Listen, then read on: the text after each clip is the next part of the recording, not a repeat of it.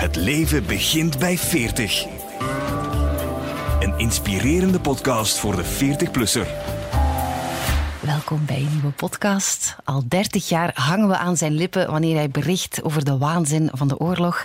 Hij komt op plaatsen waar wij voor geen geld van de wereld op vakantie zouden willen gaan. Zeker niet op vakantie, nee. Heel blij dat je hier bent. Goedemorgen, dag Rudy Franks. Hi, goedemorgen. Hey, je bent de 40 al even gepasseerd. Ja, ja, veel te lang. Ja, veel te lang, maar je ziet er nog zo jong uit, man. Ja, dat is, dat is de, de adrenaline en de scherpte van de oorlog. Dat ik moet zeggen dat je vriendelijk bent voor mij. Ja. Nee, nee, nee, maar dat is wel waar, want ik zou eerlijk gezegd geen leeftijd op je kunnen plakken, want uh, hoe oud ben je nu? Ik ben nog maar uh, net, nu net is al een paar maanden, 60 geworden. Tjoe. Ja, nee. ja. nee, is gewoon goed bewaard gebleven. Ja, maar, maar ik denk echt wel dat dat ook te maken heeft met de spanning van ja, met, met oorlog, met spanning, met graag doen wat je doet. Dat klinkt misschien raar, maar toch graag doen wat je doet. Ja, mm -hmm. ja dat laatste snap en nu smijten. Wel. Ja, het laatste snap ik wel. Doen wat je graag doet. Met de oorlog, dat vind ik dan wel weer speciaal om te zeggen dat je er gezond blijft uitzien door oorlog. Want je maakt toch ook wel veel mee, denk ik, onderweg. Ja, ja. soms denk ik van, is de, ziet de buitenkant er beter uit dan de binnenkant.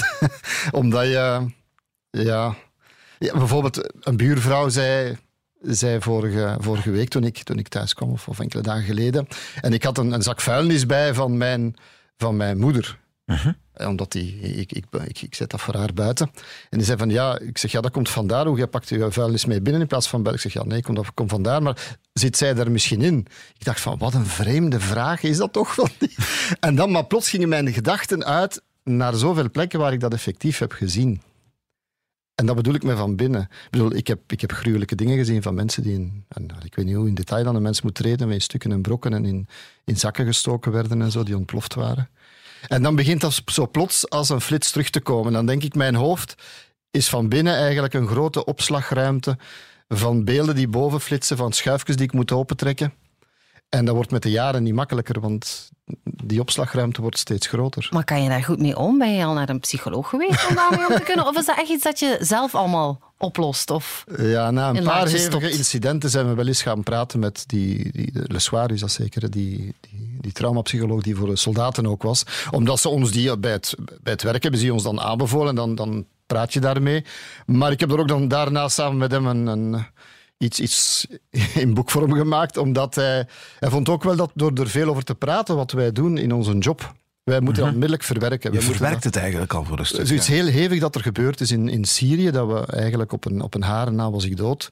En dat was gruwelijk, want ik heb een collega zien naast mij liggen enzovoort. Ja. En dan we hebben dan onmiddellijk beginnen monteren, verwerken en dat keer op keer op keer. En daar wel een stevige whisky bij gedronken, moet ik eerlijk bekennen. Want het is de enige keer in mijn leven dat ik met de daver daarna gezeten heb. Zo tien minuten onbedwingbaar trillen.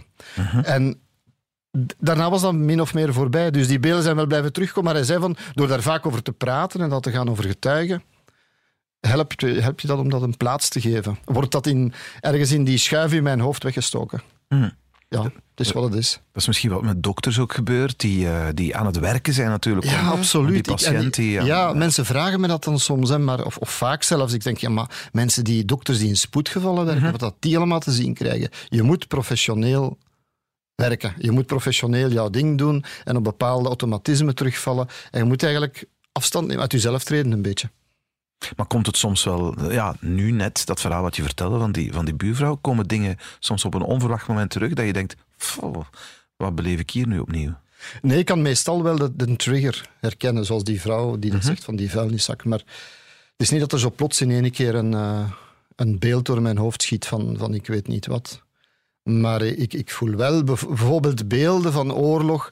In het begin hangt dat soms ja, eigenlijk nog altijd wel een beetje samen met, met muziek. Het is of met geluiden. Met bijvoorbeeld die oorlog had ik, hoorde ik... Um, hoorde ik veel die muziek op. Of toen ik in Bagdad vast zat, toen dat de bommen daar vielen van, van de, de, de Golfoorlog, toen speelden ze daar op een of andere manier Hotel California. Oh. Die, die, tekst van dat liedje paste eigenlijk bij You can check out, but you can never leave. Ik bedoel, oh je kunt niet weg enzovoort. Dus in mijn hoofd begint dat zo één grote... Laatste keer bij IS, bij Mosul, zag ik, we reden door die brandende, die zwarte damp van die oliebronnen die in, in brand gestoken waren door IS.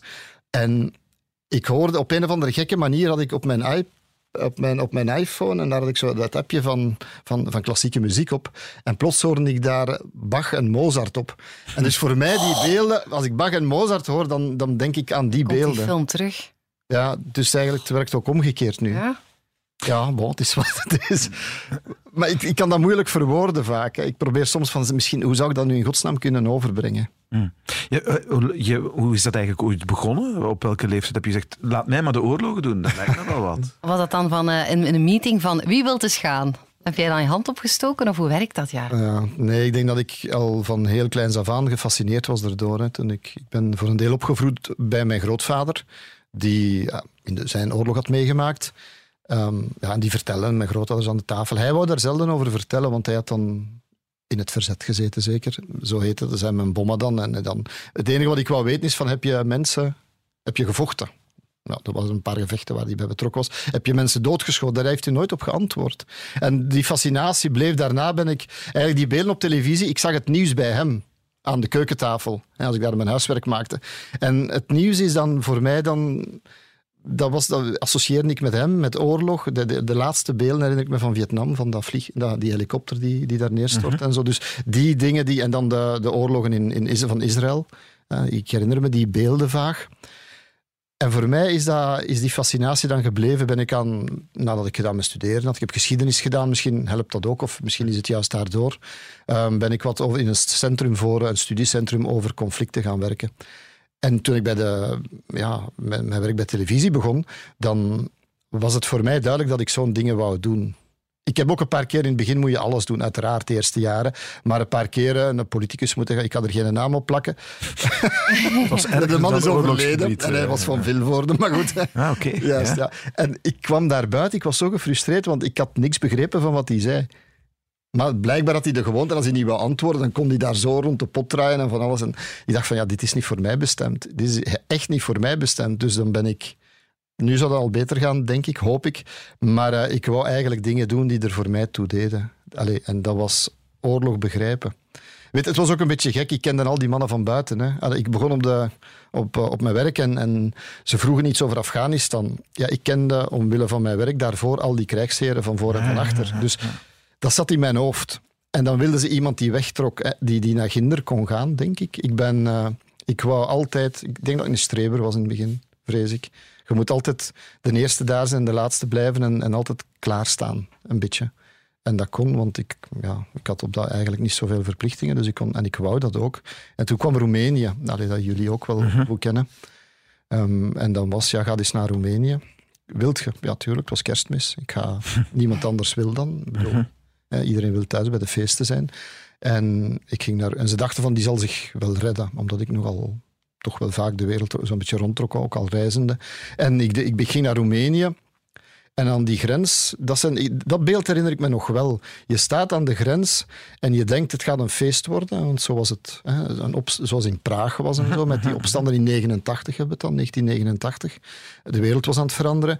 En dan blijkt dat er aan de andere kant geschoten wordt. Dat er eh, gevaarlijk zou zijn. En dan moet je kiezen in, in, in je leven. En dat is zo'n keuze die, die voor mij bepalend is geweest. Ik heb gekozen om door te gaan. Dus vele anderen zijn teruggekeerd. Ik ben gaan liften. Ik denk, als ik nu zou denken, de jonge collega's, dan zeg ik, ja, die, ik zou hem een, een lap rond zijn oren geven. Ik bedoel, dat, die, allee, dat is onverantwoord. Dus ik ben gaan liften aan de rand van, van Roemenië. En twee fotografen, oorlogsfotografen, hebben mij meegepakt. Omdat die vonden een snotneus die daar staat te liften. En zo is het eigenlijk begonnen. Dan heb ik de eerste keer iemand zien doodschieten. En dingen gezien. En ik heb gemerkt dat ik daar op een of andere manier onder bleef functioneren. En daarna was ik verkocht. Want ik dacht van, ja, dat is het. Die politicus kon ik misschien niet echt goed begrijpen, maar dit is het wel. En ik wist wat ik wou doen. Ik had geen voorbereiding op. Je moet een vaag idee hebben van wat zich daar afspeelt. Of, of met de jaren natuurlijk een veel beter idee, de, de geschiedenis kennen en zo. Maar je moet gewoon, hoe ga je met je hart proberen iets weer te geven wat zich daar afspeelt en dat in, via je hoofd vertalen. Het is moeilijk te zeggen, maar bijvoorbeeld Roemenië. Je kunt een hele ingewikkelde uitleg gaan geven en soms moeten dat doen. Maar wat mij in Roemenië gepakt heeft, en voor mij het beeld van Roemenië blijft dat we gezien hebben toen, is dat van die weeshuizen. Het zijn kinderen die daar vastgeketend in hun eigen uitwerpselen zitten, die niet meer kunnen spreken omdat ze jaren niet, niet vastgepakt zijn. Voor mij toonde dat het failliet aan van, van zo'n regime en zo'n land. Hè. En ik heb geleerd van, dat is het. Dat is voor mij oorlog. Zelfs al gaat het over kinderen die vastgeketend in een bed liggen. En dat is het gebleven eigenlijk. Ja, dat zie je al 30 jaar, hè? En hoe sta je dan op je zestigste in het leven? Ja, ik, ik ben je denk- dan een vrolijk iemand, Rudy? ik, ik zie er toch niet echt uit als Nee, je een tristige plant. Ja, absoluut niet, maar daarom wil ik het weten van... Ja, je ziet dat al 30 jaar. Soms heb ik sombere momenten. Allee, maar die hebben dan met zoveel te maken. Met, mij opgesloten voelen soms bijvoorbeeld. Als ik, als ik, ik moet kunnen bewegen als ik mij opgesloten voel. Dat ik nu met dat coronavirus, dat je je bewegingsvrijheid, je dat kleiner wordt. Ik wou naar Italië gaan, maar dat kan nu niet bijvoorbeeld. Dan, dat, dat vreet een beetje aan mij. Maar als ik dat vergelijk met het, de ellende dat je ziet en de kansen die, die wij dan krijgen, de wereld waarin wij leven, goh, man, vrouw, dat mocht niet verzuren. Dan denk ik van, Dus je bent dankbaar. Jawel, toch wel. Ja. Ik, denk dat we mogen koesteren wat we hebben. En dat we dat ook moeten verdedigen. Allee, dat vooral. Leert, leert het je relativeren ook? eh, Want eh, je hebt zoveel ellende gezien. Kan jij je nog opjagen over echt onbenullige dingen waar de gewone mensen zich elke dag over opjaagt? Ja, te veel. Toch nog? jawel, jawel. Maar denk je dan niet, waar ik, ik, ik zag eh, vorig jaar nog iemand eh, ontploffen naast mij Ja. en, en nu heb ik een lekkende kraan. Ja, ik, ik kan me daarin opjagen, omdat ik daar geen... ge- Omdat ik, er zijn een heleboel dingen die ik niet kan. Ik, ik heb het praktische dagelijkse leven veel te weinig onder controle. De administratie, de bureaucratie, dingen regelen. Ik wacht nu al twee jaar om iets van verzekeringen geregeld te krijgen van mijn moeder. Ik word daar horendol van. Je, je contacteert mensen, ik weet niet waar ik terecht moet, ik word daar gek van.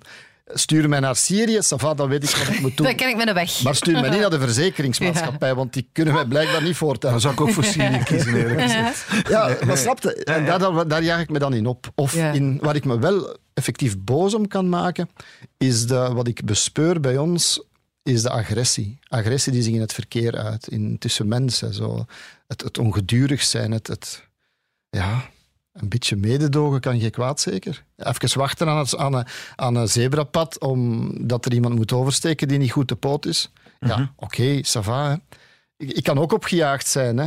Maar, maar dan, dan begint het gedoe en het getuter en het, en het gescheld. En dan denk ik van, alstublieft. Maar dat is omdat jij de Brusselse ring niet elke dag moet doen. Nee, ik hè? zou het niet kunnen. Ik zou het niet willen. Echt waar. Ik meen het. Ik, ik kan het niet meer. Dat- Geef denk hem maar Damascus. Ja, maar mijn hoofd is, is, is niet meer in staat, vrees ik, om te lang in te grote, te veel drukte van mensen te zitten. Ik ga niet graag een grote stad binnen. Ik, ik rij niet graag Antwerpen binnen of, of Brussel of Gent. Waarom? Omdat ik kan niet tegen die drukte. Misschien is dat een heel milde vorm van, hoe noemen ze dat? PTSS, Post-Traumatic Stress Syndrome. Ja. Maar dan komt het wel ergens vandaan, denk je. Was dat Ja. vroeger ook al? Had je dat vroeger ook of is het verergerd? Ik denk dat dat verergerd... Ja, nee, dat is zeker verergerd. Vroeger was ik misschien ongeduriger. Was ik zeer ongedurig. Maar nu is dat denk ik vooral... Ik wil, ik wil een soort van rust rond mij. Ik, ik heb ook heel veel behoefte aan... Maar is dat de leeftijd misschien, hè? Als daarover gaat. Ja, het leven begint bij 40. Is daar, Ja. iets, is daar iets veranderd? Is dat, is- was dat voor jou een belangrijke leeftijd op een of andere manier? Ehm, 20 jaar geleden? ja, ja, weet je, als ik erover nadenk... Dat was belangrijk en tegelijk heeft het mij pas met terugwerkende kracht geleerd dat ik soms eh, de dingen niet helemaal juist, juist de plaats gegeven heb. hè. Toen we 40 waren, samen met goede vrienden van mij die ook 40 werden, waar ik mee gestudeerd had en, enzovoort, en op kot gezeten had samen, ehm, gingen we een groot feest houden. We houden een feest. Alleen op mijn 40ste ben ik, ik weet bij God niet meer naar welke oorlog moeten vertrekken vlak daarvoor. Oh. Dus ik was niet op mijn eigen feest. Ja. En ze hebben daar wel een foto gezet, natuurlijk, Ja. om er toch een beetje te zijn. Dan dacht ik, ik heb eigenlijk veel te veel gemist daardoor ook. Ja. Dat heb ik dan pas daarna beseft van hoe absurd ben je bezig door, door ge, je leeft een ongelooflijk intens leven. Ik, ik zou het niet willen ruilen. Ik bedoel, ik zou waarschijnlijk dezelfde keuzes maken. Maar je mist ook dingen. Die juiste balans zoeken, dat is een beetje, dat is een beetje mislopen soms. Ja, je had ook nu opa kunnen zijn. Ja, dat is waar. En dat is niet. Dat is een van die dingen die daarbij, die onder die categorie thuis horen. Ja, dat heeft en- ermee te maken. Vind je dat jammer als je de tijd niet had kunnen terugdraaien? Dat je denkt van, ik had het toch wel kunnen combineren, een gezin Allicht wel. en die job. Allicht, nee, allicht wel. Allicht wel. Op dat moment stond ik daar niet bij stil, of niet genoeg bij stil. Of waren er allerlei dingen die, die niet op het juiste moment enzovoort. Ik denk dat het daarmee te maken heeft. Ja, dat is waar. Maar sommige dingen moeten proberen of leren te aanvaarden, zeker. Hè? Ja.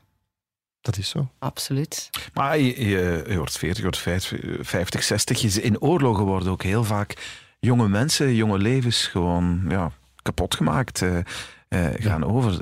Ben je dan blij ook voor elk jaar dat je. dat je- nee, maar ja, ja, ja, je hebt veel meer dood gezien dan, dan andere mensen natuurlijk. Ja, dat is waar. Het, het gekke is dat ik daar anders tegenaan... Maar dat, ik denk dat dat voor iedereen is die ouder wordt, dat je er anders tegenaan kijkt dan dat je jong bent.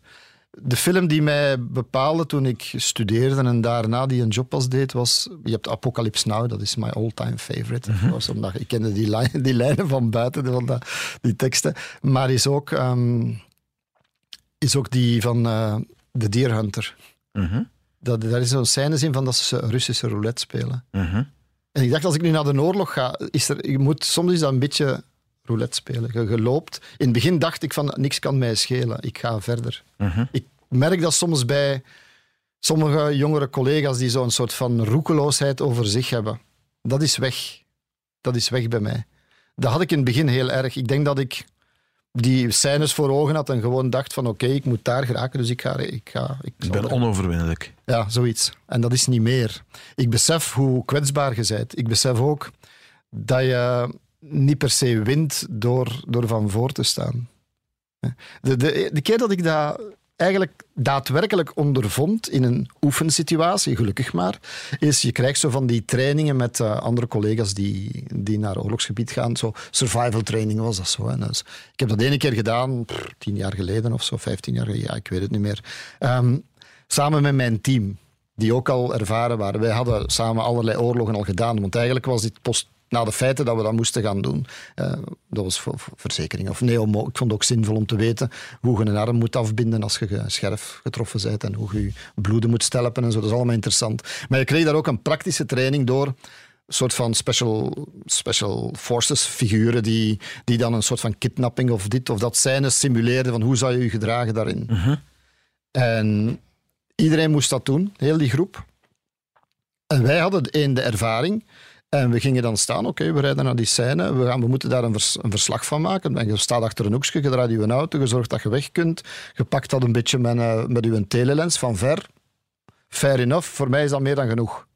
Er waren daar collega's tussen jonge springen in het velden die daar echt met hun neus op gingen staan. Ja. Dat was een lynching bezig. Ik heb lynchings meegemaakt waar ik bij, bij gelukkig ontsnapt ben. Ik heb mensen zien stenigen. Dus dan denk ik van, maar jongen toch, allee, hoe kun- allee, het is wel een oefening. Ik, en achteraf bij de evaluatie was elk van die anderen was dood. Die was gewoon na die... Als je dat zo had gedaan, zoals zij het hadden aangepakt, ben je weg. Dus ik heb geleerd van niet alleen voorzichtiger te zijn en toch de dingen te kunnen gaan doen, maar ook waarde te hechten aan...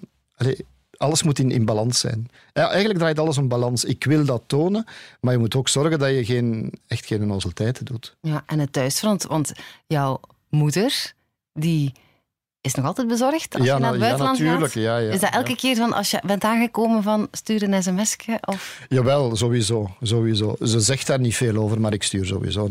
En tegenwoordig, vergeleken met twintig jaar geleden, was er amper telefonische verbinding mogelijk. Nu kan je bijna van, van in de bergen van Afghanistan, pakt je gsm en je, en je telefoneert. Ongelooflijk eigenlijk. Dat is, zo, dat is onwaarschijnlijk hoe onze wereld veranderd is. Dus, dat is, dus ik, ik probeer haar dan ook wel elke twee dagen, ten laatste, toch wel even te contacteren en, en te bellen en, en alles is goed. En, en te vragen hoe het, mee, hoe het haar gaat. Omdat je erom bezorgd bent. Hè. Ik doe dat in C niet per se voor mij. Ik ben bezorgd om haar. Omdat er, en dus wil ik dat even ook ja, tot rust brengen. Maar ik, ik heb wel het gevoel dat ze weet dat ik daar op een voorzichtiger manier mee, of een voorzichtige manier mee omspring. Ik denk dat ze zich veel meer zorgen maakte die eerste jaren, toen ik echt eh, die roulette, bij manier van spreken. Ga je het nog vijf jaar doen? Ik kan niks anders niet meer. Dan moet je met pensioen, hè? Ja, ja, ja, ik kan niks anders. Dat is het. Dat is, dat is Ja. de, de ellende. Allee, de ellende. Nee. Ik, ik, ik kan niks anders. Ik wil niks anders. Ik ben daar in mijn hoofd mee bezig. Goh, ik ben van opleiding historicus. Misschien wil ik ook meer ook... Like, nu maken we een reeks over die de eeuwige oorlog heet, waarin we oorlogen uitleggen van hoe dat er ontstaan is, van waar het komt. Goh, soms denk ik van, allee, ja, ik mag dat niet zeggen, want misschien horen de bazen het, maar dat is gemakkelijk voor mij. Dat is, ik moet afspraken met mensen die ik moet gaan interviewen over dingen die ik zelf beleefd heb. Ja. Is er iets moeilijk? Daar is niks moeilijk aan. Hè? En dat is min, op zich, je moet naar die gevaarlijke plekken, maar dan toch weer niet. Ja, ja nee, ik, ga dan, ik denk dat ik dat nog zeker blijf doen. Zeg maar, je hebt ook een huis in Italië. ja, absoluut. Wat doe je daar eigenlijk als je daar zit? Wel, om maar te zeggen, mijn moeder was extreem verontrust dat ik naar Italië wou gaan. Ja. Nu met het corona. ik, Ja. ja, maar ik zei, maar ik kan niet in Syrië binnen omdat ik naar daar moet omwille van corona. Ik wil naar Italië in mijn hof gaan zitten. Ja, maar dat vond ze toch wel eigenlijk gevaarlijk. Dus beeld u in. Ja. Eh, ja, voor mij is dat belangrijk, dat huis. Ja. Dat is mijn rust, dat is mijn vluchtheuvel. Letterlijk. Letterlijk, het is een heuvel. En, en vandaar heb ik zicht op de stad. En als ik, ofwel ga ik naar de stad, ofwel blijf ik op mijn heuvel. En ja, voor mij is dat echt wel heel belangrijk. Ook het contact met de mensen daar die wel weten wat ik doe. En ik ken wel de vaste mensen, de vaste wijnbar en de vaste koffiebar. En die weten dat wel. Maar oh god, ja, die vragen alleen maar en waar zijn ze geweest en, en hoe is het nu? En, en ça va. We gaan er nog iets schrijven. Ja, goed, gaat dat maar in dat hoekje zitten. En dan, en dan brengen ze mij wat ik graag heb. En voor mij is dat voldoende. ja. Geen gedoe. En ga je vaak eigenlijk? Oh ja, ja zeker, zeker zes keer per jaar. Ja. Door mijn werk heb ik natuurlijk een heel onregelmatig bestaan. Dat heeft nadelen. Ik kan niet bij een club zijn, jeugdclub, sportclub, whatever. Allee, van die, die verenigingen. Maar aan de andere kant heb ik dan heel onregelmatig ook vaak een heel, een heel een langere periode dat ik kan zeggen, oh ja, nu ben ik een week vrij, twee weken vrij, ik, ik trek een week naar mijn huis. En, en Ik vind, die, die, ik vind dat ook charmant, iets hebben. hè. Dan kom je tot rust en dan, dat, is, dat is vrede na zoveel oorlog. dat is vrede. Alleen heb ik gemerkt dat die rust, dat je door het, hoe dat de sociale media, internet, al die toestanden, dat je eigenlijk nergens meer afgezonderd zit. Vroeger zat ik afgezonderd op mijn berg, maar nu is dat zo van, overal ben je bereikbaar onmiddellijk. Hè. gsm, op, eh, je, je kan het nieuws volgen. Ik heb de, de fout gedaan om daar een satelliet tele, televisietje te zetten, zo, dat ik kan volgen als er iets gebeurt in de wereld. Ja, ik kan het moeilijk maken om het niet te volgen natuurlijk, maar, maar toch. Maar je kan dat wel zo'n beetje uitschakelen in jezelf. Gewoon van, ik wil nu even geen nieuws, ik wil gewoon een boek lezen. Ja, Dat absoluut. niet over. Daar probeer ik er absoluut een punt van te maken om veel minder op eh, mijn telefoontje bezig te zijn. Eh, Die, dwing, die dwingelandij van de sociale media, van het mails en zo. Ik denk van nee, één keer per dag, ça va, is genoeg. Eigenlijk moeten we dat leren. We moeten nog leren omgaan dat onze hersens niet voortdurend geprikkeld worden door, door al dat soort toestanden. Maar dat geldt voor ieder van ons toch? Mhm. Mhm, Klopt, ja. Zeg, ik, ik, ik ga toch nog eens terug naar, naar, je, naar je werk gaan, want ik vind het ook ongelooflijk fascinerend, los van het gevaar waar we het al over gehad hebben. Je hebt ook de mensen, de mensen, de mensen in elkaar steken, ja, nog veel beter leren kennen dan wij, want je hebt ze in, in zo'n noodsituaties gezien. Geloof jij nog in de goedheid van de mens? Uit noodzaak. Denk het wel. Ja, ik, ik word daar vaak mee geconfronteerd als je gaat praten en, in debatten. Dan is zo van, ja, je hebt dan die bekende boeken, Brechtman en zo, ik weet niet meer, wat, eh, die geschreven hebben van de goedheid van de mens. Tegenover de slechtheid waar ik dan zogezegd mee geconfronteerd word. Ja, ik vind dat ze gelijk hebben voor een stuk. Ik denk alleen dat macht, religie, hebzucht, zijn zo de drie grote factoren, iets doen met de, met de mensen waardoor ze heel, heel ver in de fout gaan. En waardoor je een soort van spiraal... Vooral angst doet ook iets. Dat mensen... Door angst kweek je haat en dan beginnen zo tegenreacties te krijgen. Maar de grote meerderheid, als je die persoonlijk aanspreekt, als je dat gewoon in de ogen kunt kijken, die helpen nu. Eigenlijk heb ik al die jaren overleefd omdat heel veel gewone mensen mij altijd gewoon geholpen hebben. Terwijl ze heel veel geld hadden kunnen verdienen door mij te, te verpatsen, hè, door mij aan, aan kidnappers weg te geven. Op ons hoofd stond in de, in de tijd van, van IS en van Al-Qaeda in Irak en zo stond daar een paar miljoen euro. Hè, Dat ze kunnen verdienen als, je, als ze jou ver- verraden. En dat gebeurt nooit. Dus ik heb heel veel goede mensen ontmoet ook. Ik heb gezien dat de meeste mensen, dat klinkt als een cliché, maar dat is wel zo, eigenlijk gewoon een normaal, fatsoenlijk bestaan willen waarbij ze hun kinderen naar school laten gaan, die smiddags levend terugkomen. Heel erg basic. Maar ook bij hele slechte... Want er zijn hele slechte mensen. Ja, ja, ja. Dat weet ik. Die hebben die hele slechte mensen. Soms kan denk je ik, bij, bij redelijk slechte mensen, denkt van, nee, die staan echt hier, die doen gruweldaden, dat weet ik. Die, kan je daar soms, heb je soms momenten gehad met zo'n mensen dat je denkt, ja, het is heel raar, maar ik zie ook nog ergens iets goeds in, in Nee. die slechte mensen. Nee. Je kan bij twijfelgevallen zeggen van dat, ze, dat ik begrijp uit welke frustratie het voortkomt. hè. Ik heb een tijd bezig gehouden, enkele jaren zelfs al sinds de eerste die vertrokken zijn, met de psychologie van, van die Syrië-strijders. Er is een deel uit religieuze overtuiging, fanatisme. Er is een groot deel uit een soort van mislopen criminaliteit en diepe, diepe, bittere frustratie. En dan kunnen we wel zeggen, ik begrijp dat, maar op een bepaald moment moet je kunnen streep trekken en zeggen van begrijpen mag nooit aanvaarden zijn. Begrijpen moet gewoon tot inzicht leiden, maar mag nooit zeggen van dat is oké, okay, er is niks oké aan. En ik denk echt, ik heb leren, er zijn mensen die mis, mis, niet mislopen, maar mismaakt zijn. Er is slechtheid. Er mhm. is fundamentele slechtheid. Je moet ook niet naïef zijn, die bestaat. De scènes waarvan ik weet heb in, in Syrië en Irak en zo van onthoofdingen van dingen, dat is pure slechtheid. Mm pure, ik, ik heb er geen andere verklaring voor. Anders zou het zijn van. Ja, ik weet niet wat het anders zou kunnen zijn. Hoe kun je verantwoorden dat de ene mens de andere, dat ze op basis van een vorm van fanatisme of, of zelfs maar frustratie iets goed praten dat er... Zo gruwelijk is. Ja, ja nee, dat, dat, dat weiger ik te aanvaarden. Slechtheid, punt. Het bestaat ook. Goedheid is bij de meeste mensen aanwezig en dat moet je voeden en, en, en water geven, bij manier van spreken, als een plant. Maar die slechtheid, daar kun je niks mee doen met de wortel uitdrukken. Ja, jij die uh, oorlogen uh, hebt gezien, zoveel, maar ook erover gelezen hebt. Je sprak over je grootvader en zo. Je hoort die nu zo geregeld zeggen wanneer de maatschappij aan het verharden is. We zitten weer in de jaren dertig. Wat denk jij daarvan? Van zo'n ik vrees dat ik dat begrijp. Ik, ik heb ook al zo zitten vergelijkingen proberen te treffen. En niks, de geschiedenis herhaalt zich niet. Allee, het is nooit identiek hetzelfde. Maar als in bepaalde omstandigheden van angst en zo, voor mij is dat een rad dat draait en dat blijkbaar op dezelfde manier, op hetzelfde punt steeds stopt. Angst voor de andere. Een soort van verkrampte reactie over wij moeten ons beschermen, maar wie zijn wij? Dan is dat ons dorp, ons, ons volk, ons land, ons, ons continent. Wat is dat? Dan, dan wordt dat zoiets heel heel hard. En dat heb ik het moeilijk mee. Met die, want ik denk dat die, de geschiedenis herhaalt zich niet, maar het menselijk gedrag in bepaalde omstandigheden herhaalt zich wel. Zijn het onze reptiele hersentjes of wat is het? Ik weet het niet, ons reptiele brein. Maar in elk geval, dat herhaalt zich wel. En dan, als ik dan zie hoe er men mensenrechten naast zich neer begint te leggen, hoe IS zich gedragen heeft met, met, met zijn gevangenen of wat zij doen in, mhm. in gruweltijden. Ik vind het allemaal. Of hoe wat ik. De, de harde taal die ik vooral op sociale media, Twitter en zo lees van bepaalde kringen. Wat dat jaren geleden bij extremisten, extremistische jihadis was, zie ik nu bij extreemrechtse.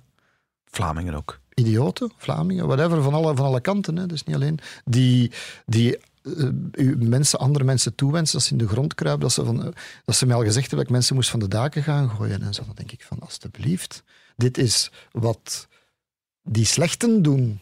Mhm. Hoe kan je dat? Dus dan denk ik van die harde toon. Vandaar dat ik ook denk dat we, we, zijn, we hebben nog niet leren omgaan met die nieuwe media. Met hoe dit inwerkt op ons brein. Ik denk dat dat werk is voor uh, neuropsychiaters en zo. Van wat doet dit met ons? Dat je zomaar meent dat die grens dat het aanvaardbaar wordt om dit soort gedachten te hebben. Je kunt wel, iedereen kan al eens... Ik, ik heb ook al eens gedacht van, godverdekke, die, die, uh, ja, uh, puntjes, puntjes van, van de criticaster wil ik ook wel eens een tik geven, maar, maar dat is nog iets anders. Ja. Allee, ik denk dat die jaren dertig, er zijn elementen die, het gedrag komt in dezelfde richting. Ik bedoel, ik vind mij helemaal terug in wat Herman van Goeten van de Universiteit van Antwerpen, die in de Dossin-kazerne baas geweest is, wat hij daarover zegt, die zegt dat ook. Historicus. We kunnen wel leren van de geschiedenis, denk ik. Alleen moeten we, we moeten ons daartegen verzetten. We moeten, allee, we moeten ons daartegen verzetten. Als je bijvoorbeeld vluchtelingen, wat ik soms op sociale media nu lees, vergelijkt met virussen. Mhm. Wat leert ons dat over het taalgebruik van de jaren dertig en nu? Mhm. Wat is het verschil? Het zijn mensen, toch? Hoe je het aanpakt, dat, mhm. is, dat kan je van alles rondgaan. En dat moet realistisch in zijn, pragmatisch, al wat je wil. Maar eh, elk woord telt. Eh, we, denken dat dat niet, niet waar is. Elk woord telt, elke zin telt wat je ermee doet. Vind ik.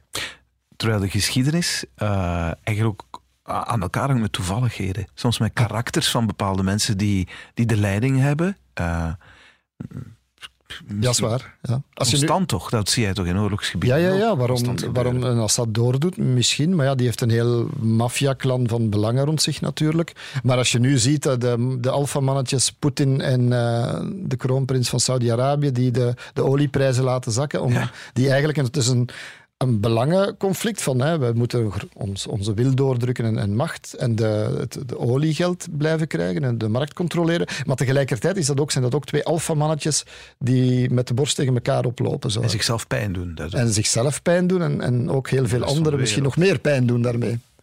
Ja. Eh, Dan, inderdaad, dat speelt mee. Of hoe dat bepaalde leiders... Soms ten goede, hè, van Churchill wordt dan gezegd dat hij zijn koppigheid en zijn eigenzinnigheid heeft ten goede dan weer gewerkt in de Tweede Wereldoorlog. Toch? Zouden we beter af zijn met vrouwen in dat soort posities? Zeker dat.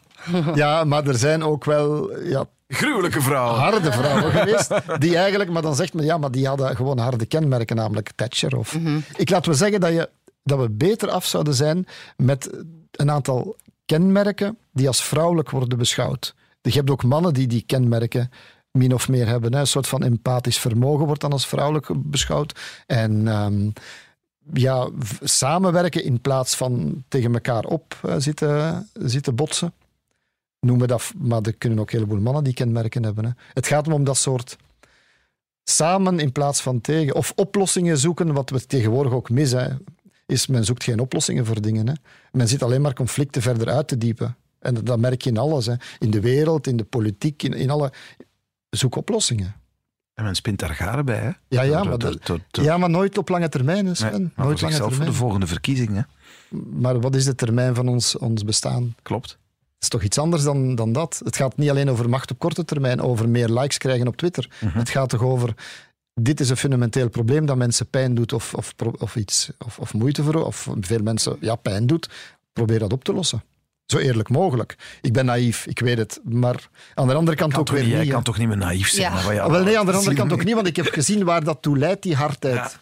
Ja. In veel omstandigheden. Dan denk ik van, we, zijn- soms spelen we met vuur. Let op wat je doet, met wat je tweet, hoe je daarmee omspringt, hoe hard je bent. Let daarmee op, want je bent met vuur aan het spelen. Bekijk gewoon de radio-uitzendingen van ehm, Radio Milcolin in Rwanda, wat daar Mhm. gezegd werd. Leer daaruit dat je niet dezelfde fout doet, al is het maar in een bijna eh, lichtere, lichtere versie of zo, hè? of een light versie. Nee. Maar goed, ik ben nu weer aan het preken, zeker. Nee, nee, Nee, nee, maar wat denk je dat we over 20, 30 jaar staan? Op oorlogsvlak. Dan ben, dan ben ik zeker met pensioen. Ja. Je gaat het nog altijd volgen van op je berg, want die satelliet staat er nog. Ja, ja, ja, dat is Want er waar. zijn nu voldoende wapens om er helemaal een punt achter te zetten. Hè? Ja, dat is al lang, hè. Dat, Mhm. dat ze de, de wereld zoveel keren konden vernietigen, al, dat is wel... Waarom worden die niet gebruikt uiteindelijk? ehm, afschrikking, hè. dat is een fundamenteel principe. Hè. Ja, maar Als, als de vrees dat de andere jou ook, ingezet? dat de Ja. andere jou ook zou. Vandaar dat men zoveel schrik heeft dat terroristen zouden ehm, vuile wapens gaan gebruiken. Mhm. En voorlopig hebben ze nog niet de mogelijkheid om een volwaardige atoombom, bij manier van spreken, te gebruiken, of nucleair wapen, of chemisch, maar wel zo'n afgezwakte versie. Hè. Ze kunnen een besmet, eh, hè, besmet radioactief afval bijvoorbeeld gebruiken. Wat ook al erg is, en dan gaat het over paniek.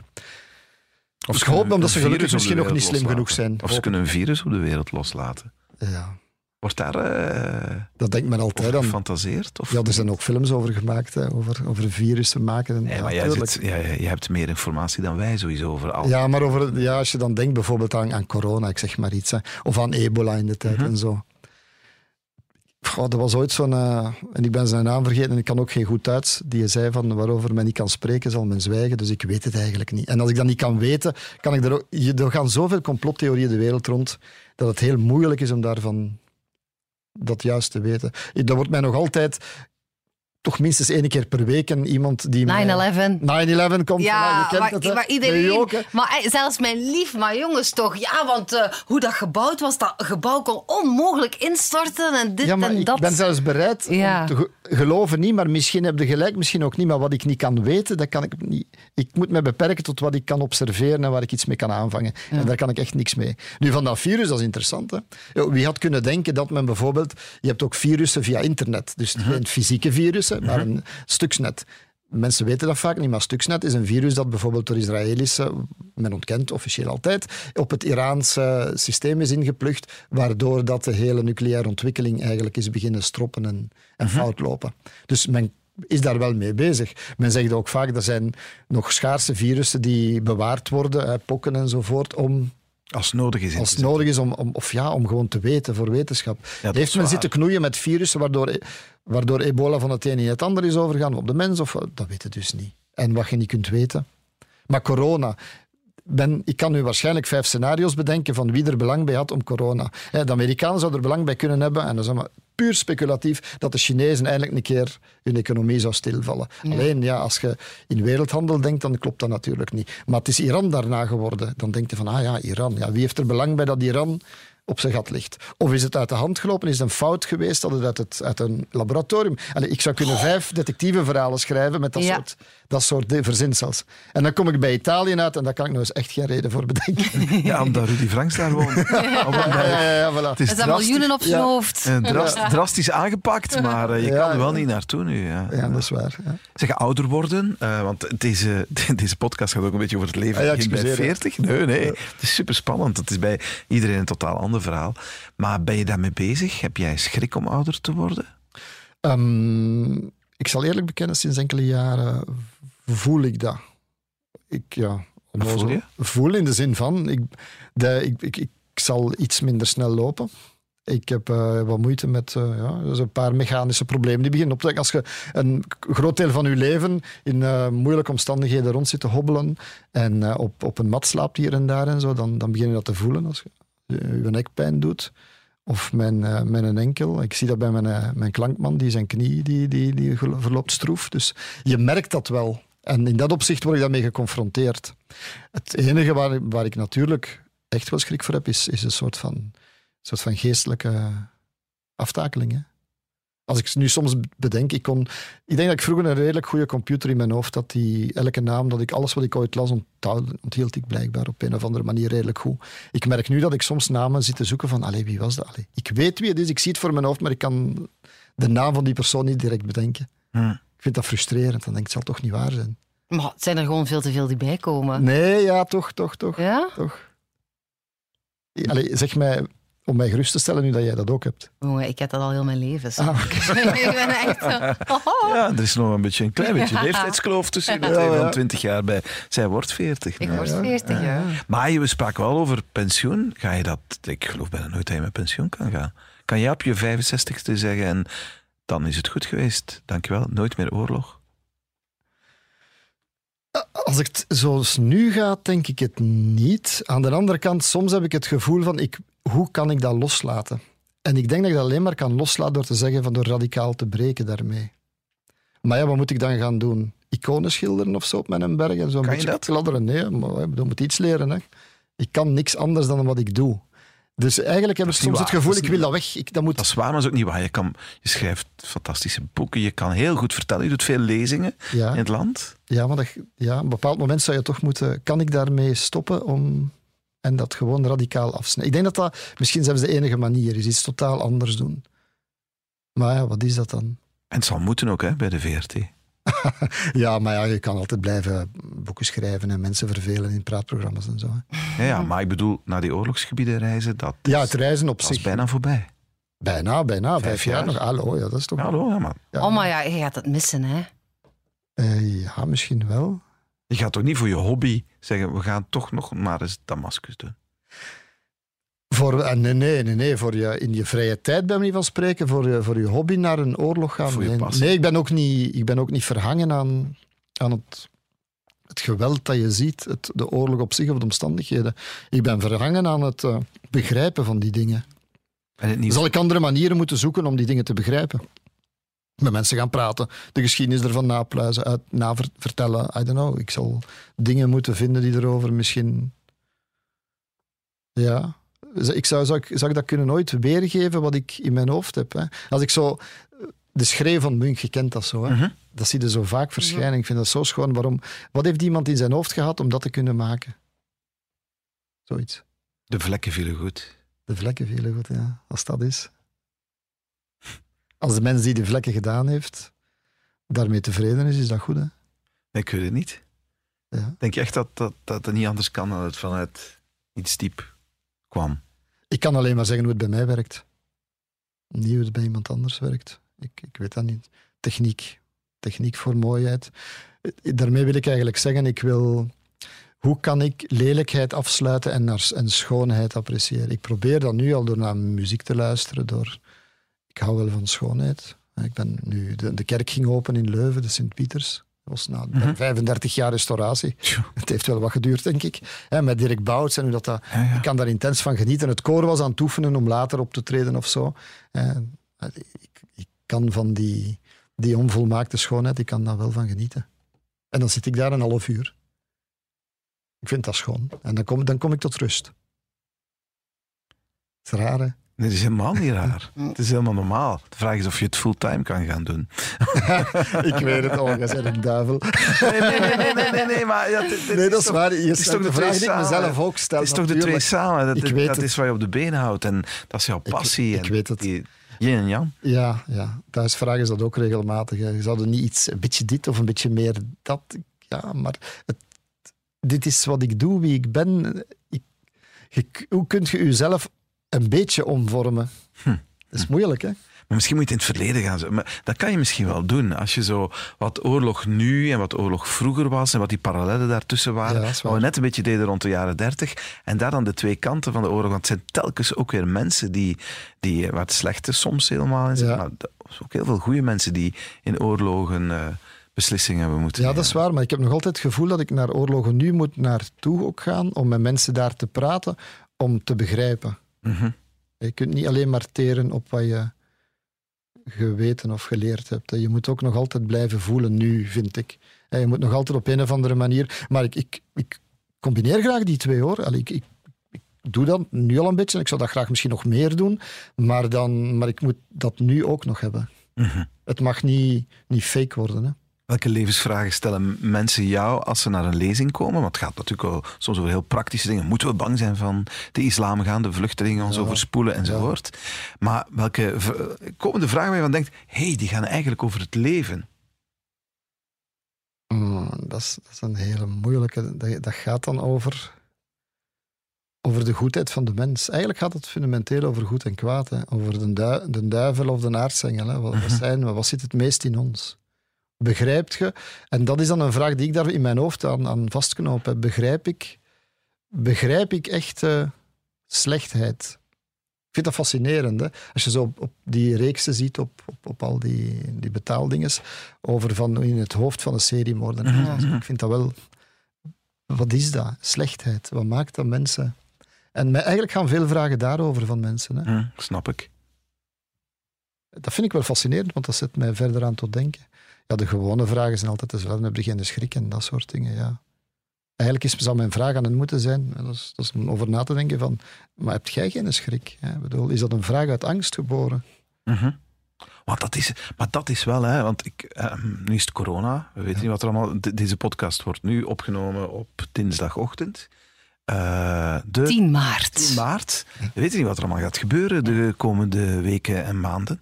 Ik herinner mij van na de aanslagen, waar je natuurlijk ook het hele verhaal heb jij van binnenuit en van Ja. buitenuit meegemaakt hier en, en ook in het buitenland en, enzovoort. Toen gingen wij, toen ging ik bang op reis, ging naar de luchthaven, ik ging DJ in het weekend, ik reed ergens naartoe en ik dacht, ja, het gaat vanavond toch niet gebeuren, het gaat toch geen aanslag zijn. Er stonden fel bewapende politieagenten aan vijf zalen toen. Ja. Enkele weken. En toen konden we dat eigenlijk niet blijven volhouden.